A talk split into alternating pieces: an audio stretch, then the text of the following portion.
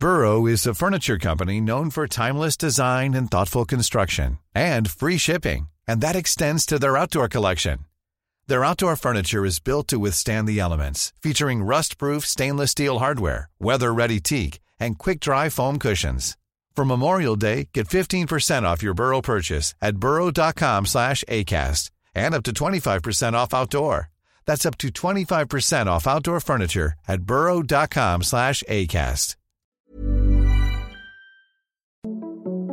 Den här podden Vägen till Wembley är i samarbete med Adidas som tillsammans med det svenska landslaget har lanserat den nya svenska EM-tröjan.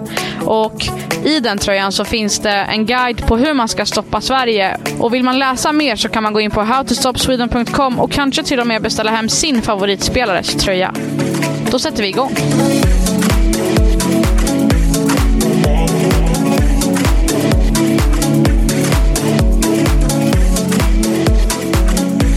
Ja, Sebastian, vi brukar inleda med att vägen till Wembley tuffar vidare, men dagens avsnitt eh, är det sista. Precis, det blir inget mer eh, vägen till Wembley. Aldrig mer eh, faktiskt, för att Wembley blir det ju inte mer för svenska landslaget. Det blev ju förlust mot England under gårdagen. 4-0, rätt rejält och en, eh, en klar seger för eh, det engelska landslaget som stormar vidare mot den där efterlängtade EM-bucklan. Eh, vad var det egentligen som hände? Det är svårt att sätta fingret på vad det var som hände. Sverige kollapsade delvis i defensiven men såg ändå relativt starka ut i offensiven. Men det handlar om små marginaler i fotboll, precis som man alltid sagt. Och så var det igår också, tyvärr. Sverige hade inte marginalerna på sin sida och även om Stina Blackstenius hade en nick i ribban, Sofia Jakobsson var nära att trycka in 1-0 efter 23 sekunder eller vad det var. Mary Earps stod för en jätteräddning. Det är tre bollar som hade kunnat bli mål.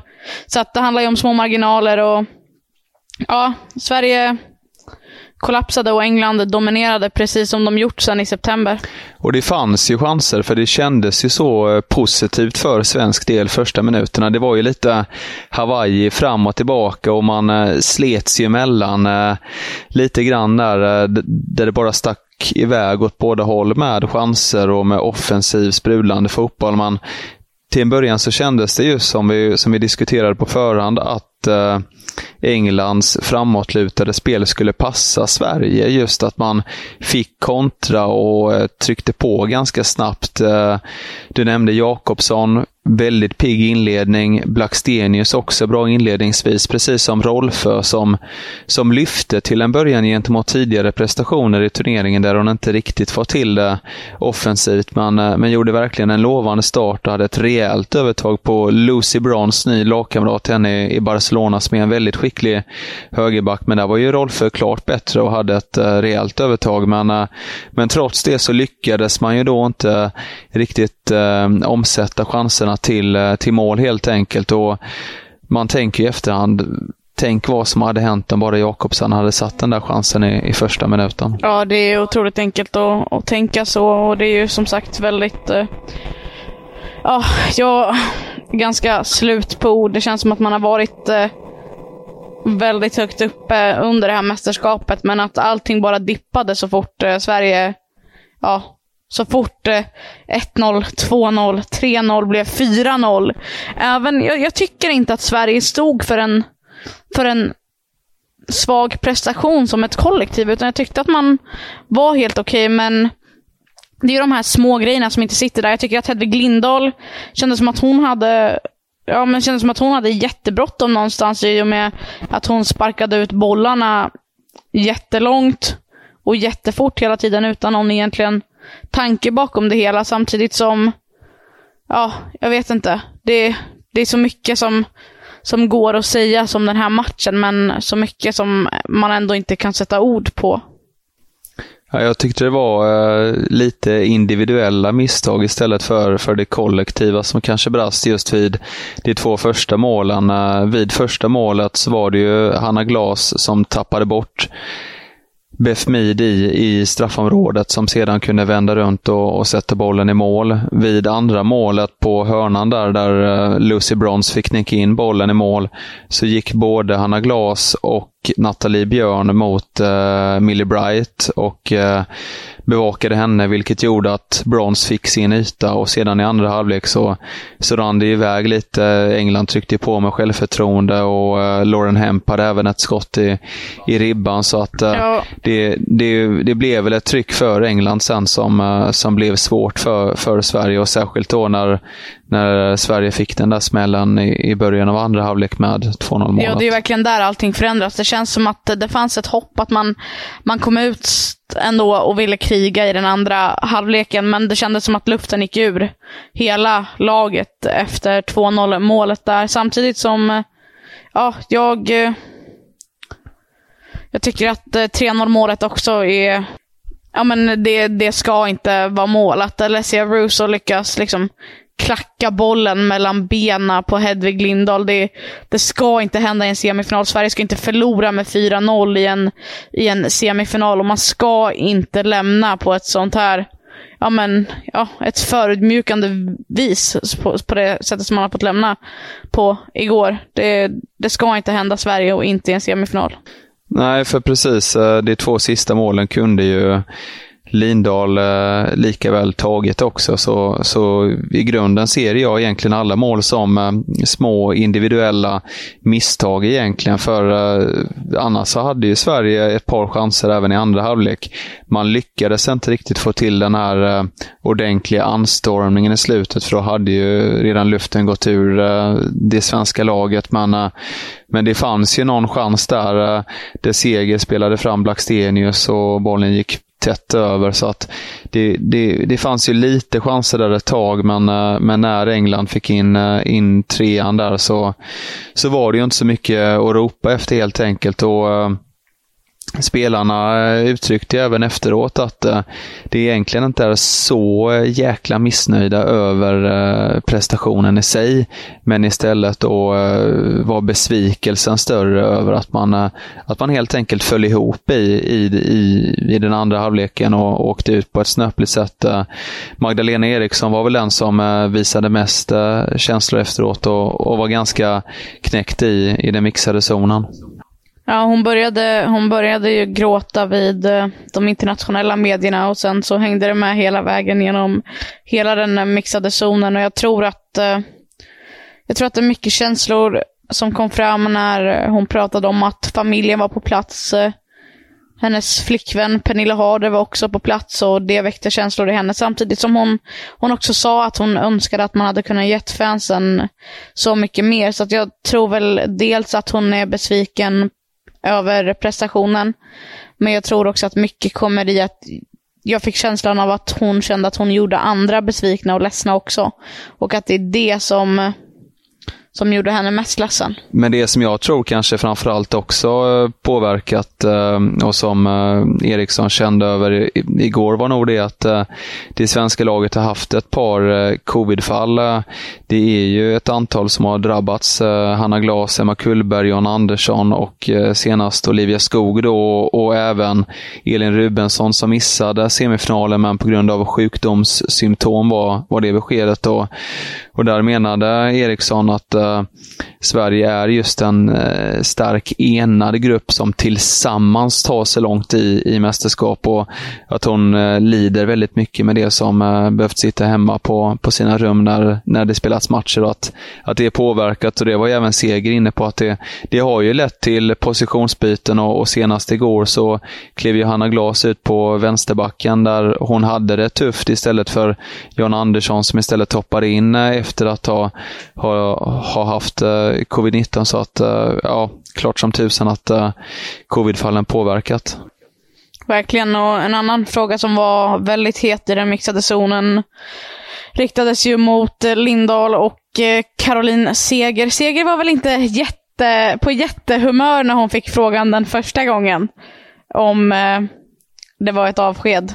Nej, hon eh, uh, röt till lite där uh, mot den frågan och uh, jag gissar väl att hon var lite trött på att prata om uh, framtiden i landslaget. Hon även hade fått den frågan i tv-synkar och, och Seger var ju tydlig med att Eh, gårdagskvällen var inte den kvällen att eh, meddela ett eh, beslut, vilket eh, är lite förståeligt också med tanke på att det precis blivit en, en väldigt tung förlust. Det hon sa i varje fall var att det inte lär bli ett nytt EM och det är väl ingen eh, nyhet direkt, men, men hon har ju kontrakt med Rosengård över 2024 och därmed så, så är det ju fortsatt öppet för eh, VM i Australien, Nya Zeeland nästa år. Ja, och visst, visst vill man ändå ha med Caroline Seger och, och hennes eh, kompetens. Jag tycker ändå att hon, hon är ju stabil där på mittfältet. Hon har inte underpresterat. Så att eh, så länge hon presterar får hon jättegärna vara kvar både på och utanför planen i och med att hon är så viktig för landslaget. Både som person och som spelare. Samtidigt så var ju Lindahl ganska mycket mer rak. Hon menade ju på att om eh, om Peter Gerhardsson skulle ville ha med henne så öppnar hon för det och då ställer hon upp. Men att eh, det är upp till förbundskaptenen samtidigt som hon också tänkte på när hon gick ut och spelade den här matchen att eh, det potentiellt var hennes sista i landslagströjan. Men inget är ju hugget i sten och eh, ja, jag tror väl att vi kanske får se henne i höst igen.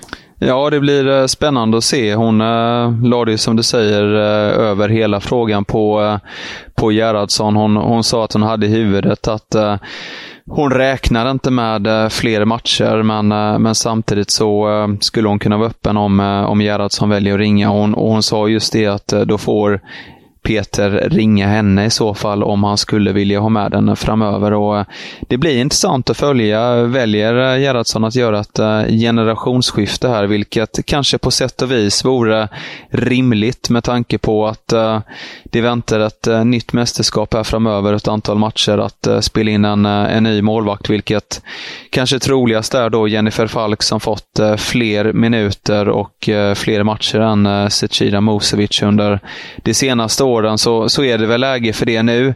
Men samtidigt har ju Lindahl kontrakt med Djurgården över eh, 2023 och därmed skulle det mycket väl även kunna bli ett uh, sista mästerskap för henne. Ja, för att uh, i det här mästerskapet tog det ju slut uh, på Bramall Lane i Sheffield, där, där det också egentligen började. Så att, uh, ja, cirkeln har väl slutits på så vis. Men det är ju en final som väntar på söndag, Wembley. Idag får vi veta om det är Tyskland eller Frankrike.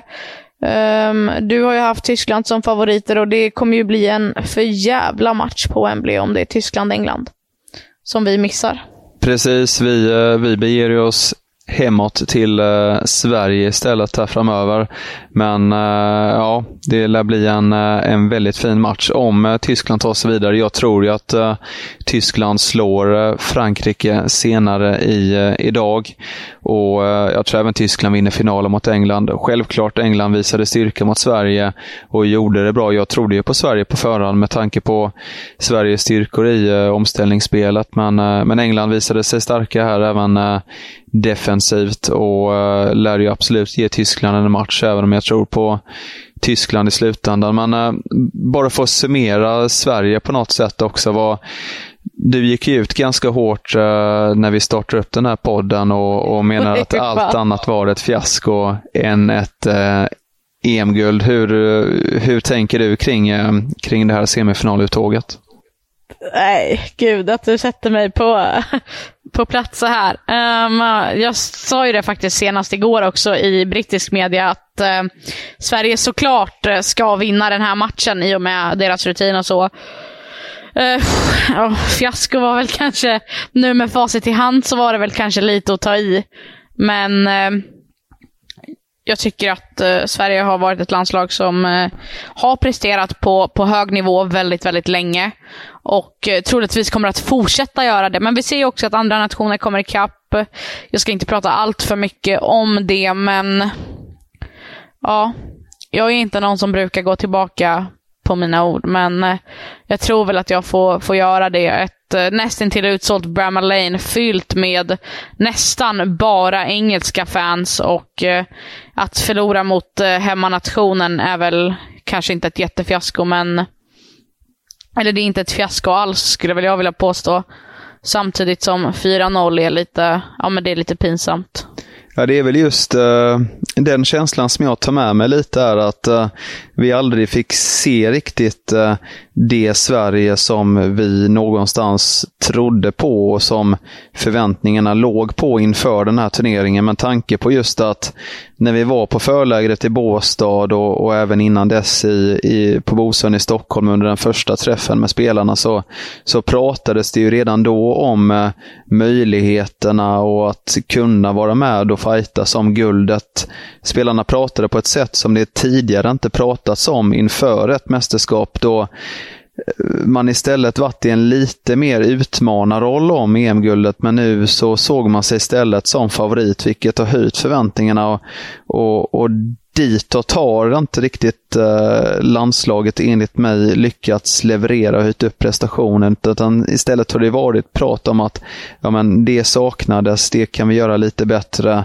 Eh, samtidigt som eh, jag upplever att vissa eh, delar av landslaget tycker att media har varit för kritiskt mot prestationerna. Men, men det känns som att det finns någon form av oförlöst potential i landslaget som, som kom ut under OS och segern mot USA och, och när man bara radade upp äh, fina prestationer och resultat från början. Men, men här i England har vi på något sätt inte fått se det och, och, och det stör mig lite grann att äh, att eh, vi inte fick se den där maxprestationen. Självklart slog landslaget Portugal stort och, men Portugal är inte ett eh, landslag som egentligen hörde hemma i EM. De skulle inte varit här om det inte var så för att eh, Ryssland hade blivit utslängd. Så att den prestationen räknar jag bort lite grann på något sätt. Och, och jag trodde den skulle komma mot England, men, men det gjorde den inte. Och, och det, det är väl mest det som eh, gräver mig på något sätt, att vi, vi inte riktigt fick se det där lyftet som vi,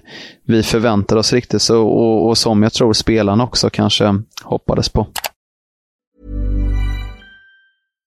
Hey Dave. Yeah, Randy. Since we founded Bombus, we've always said our socks, underwear and t-shirts are super soft. Any new ideas? Maybe sublimely soft. Or disgustingly cozy. Wait, what? I got it. Bombus. Absurdly comfortable essentials for yourself and for those facing homelessness. Because one purchased equals one donated. Wow, did we just write an ad?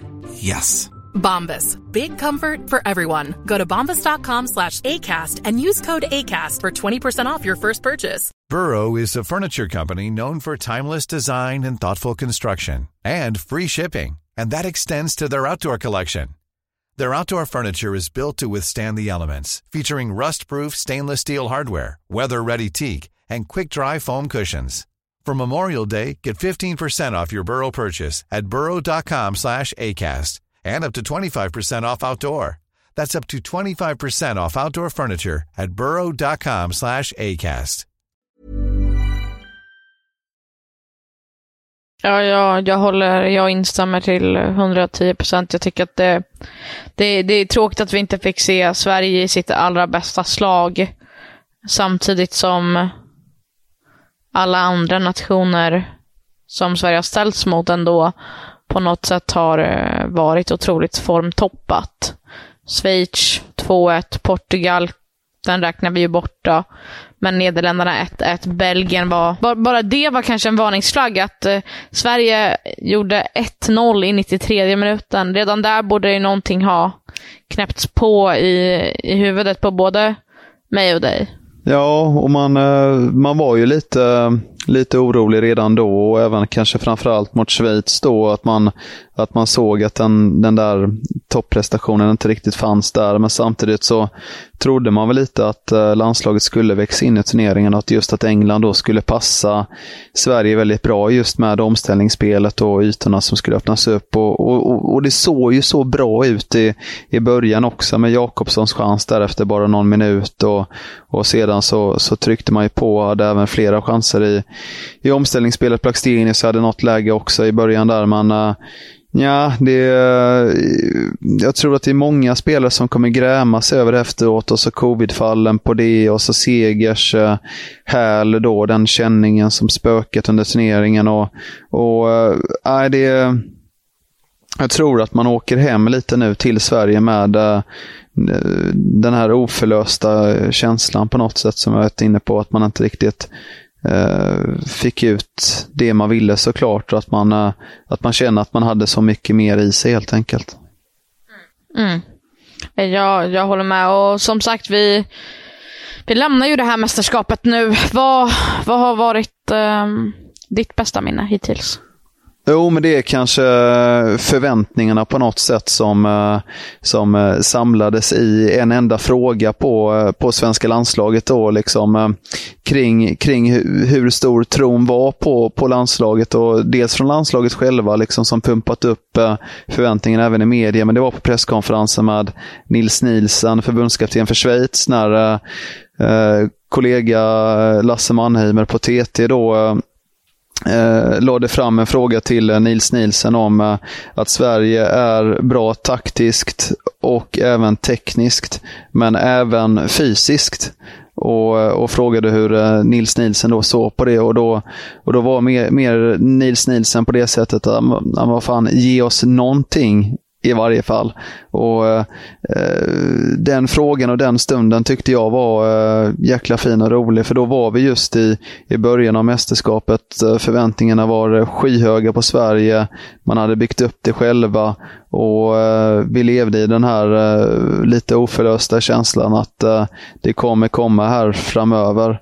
Vilket i slutändan inte gjorde, men eh, den stunden tyckte jag var eh, fin samtidigt som eh, Nils Nielsen är en profil som är, är rolig. Ja, för mig är det nog ehm, jag tycker att Peter Gerhardsson har varit helt fantastisk. Och speciellt de senaste presskonferenserna har han ju varit, han har varit på tå och du vet, ja, men han har varit rolig, skämtat till det, pratat om sin, sin prenumeration på musiktidningar Uncut, alltså inte katten. Vilket, eh, ja men, eh, fan, jag, jag tycker att Peter Gerhardsson har vuxit upp till att bli lite av en profil för internationella medier. Vi har ju vetat hur han är under ett längre tag och eh, det är kul att andra får ta del av det. Så att, eh, Peter Gerhardsson har vuxit något enormt, för mig i alla fall. Jag tycker att han ja, men en skärmig människa som är bra på presskonferenser. Sen så måste jag säga ett minne som jag också kommer ta med mig, som jag nog troligtvis aldrig kommer glömma, det är eh, mixade zonen efter matchen mot Belgien när vi står i hällregn, hela journalistkåren och eh, ja, blir dyngsura under tiden som vi intervjuar, eh, intervjuar spelarna. Och eh, idag så har vi ju en sista, sista pressträff med Peter Gerhardsson och eh, assisterande Magnus Wikman. Och det kan man ju läsa om senare på fotbollskanalen.se för där kommer ju artiklarna att komma ut innan vi åker hem. Och Sebastian, vad ser du mest fram emot att eh, göra när du kommer hem? Ja, dels ser jag fram emot att eh, slippa det urkassa nätet vi levt med här i England som då och då varit under all kritik. Vi har ju kämpat ordentligt på Carden Parks anläggning eh, när Sverige tränat och eh, ja, slitit loss det lilla håret man har på huvudet eh, över att eh, det inte fungerat. Äh, men jag ser väl fram emot att andas lite svensk luft igen och så blir det väl lite eh, semester efter detta. Värt att tillägga då är att eh, Sebastian Persson är rakad. Han har inget hår på huvudet. Knappt. Sommarfrisyren. Sommarfrisyren. Jag ser fram emot att eh, få sova i min egna säng. Det kommer bli fantastiskt. Du, Sebastian, tack för att eh, jag fått göra den här resan tillsammans med dig och eh, den här podden och få arbeta så här nära dig. Tack detsamma då. Vi ger oss ut mot eh, svenska vägar här framöver och så får vi se ifall vi kommer tillbaka med någon eh, podd här igen eh, framöver. Det här var vägen till eh, Wembley och vi eh, tackar för intresset, även om det inte alltid varit på topp i vår hashtag VTW 2022. Men vi är tacksamma för det som har kommit in och det har varit jäkla roligt att göra den här resan. Verkligen, och även om vi inte kommer att fortsätta podda så kan man se mer av oss på fotbollskanalen.se. Vi håller er on jour.